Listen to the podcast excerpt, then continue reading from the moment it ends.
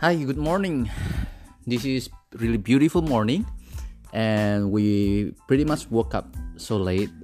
All of us in one house, all of us decided to watch movie until late night, well, literally until morning, till 1 or 2 a.m. Because we we feel that we want to do that once you know, just once or twice per week during this pandemic isolation. And today I just want to talk about how language, how our ability to say something in different languages or utterance that we usually exercise. it actually to determine how fluent you are in a particular linguistic skills. This is interesting because last night I've been talking to my Australian friend. He's very fluent in Chinese. And he said that Indonesian language is tonal.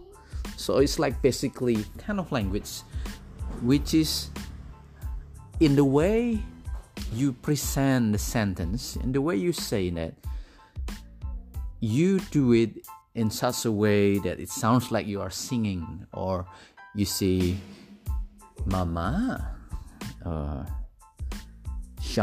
how that's how in the chinese i'm a japanese so the tonal of saying words sometimes going up and down or perhaps flat and have no clues of intention uh, behind the words.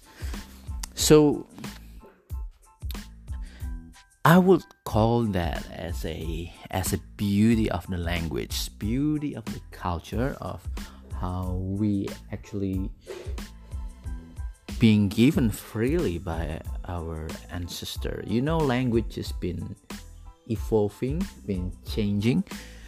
Uh, Indonesian language as well, it is by itself has been changing a lot um, through different pace of colonization, different different influence from other cultures, like from Western cultures, influencing the Malay, the Malayu, and we also takes a lot of words, derive the word from the Sanskrit, and it's all make up into what Indonesian languages are known today. Indonesian language actually is known today. See, and I have friend, another friend. He's been living in different countries. He's an Australian guy, but he just cannot learn the language, and his Australian accent is still strong even though he's been living in Europe for seven years, in Japan for I don't know five years, and he said to me that it is because the part of our, our brain there is some skills in different people whose ability to learn new languages is so so fluid. So he can just speak one particular language sounds so fluent, and the other guy just could not do it at all.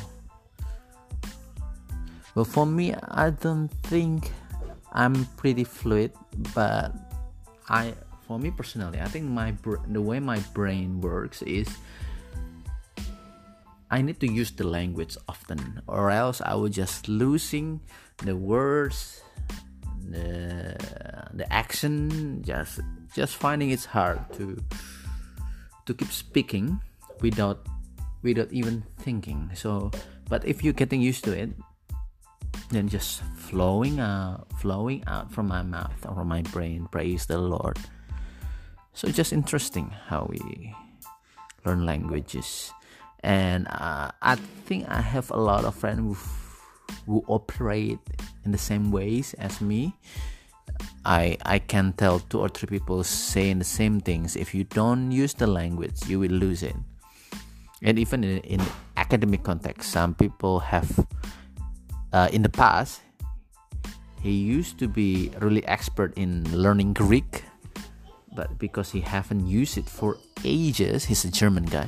He said, "I just have a memory loss." He said, "What do you mean amnesia?" No, I'm just I, I remember, but I just don't, don't remember how to say it, the grammar, everything. I can understand, yes, but I cannot just speak it.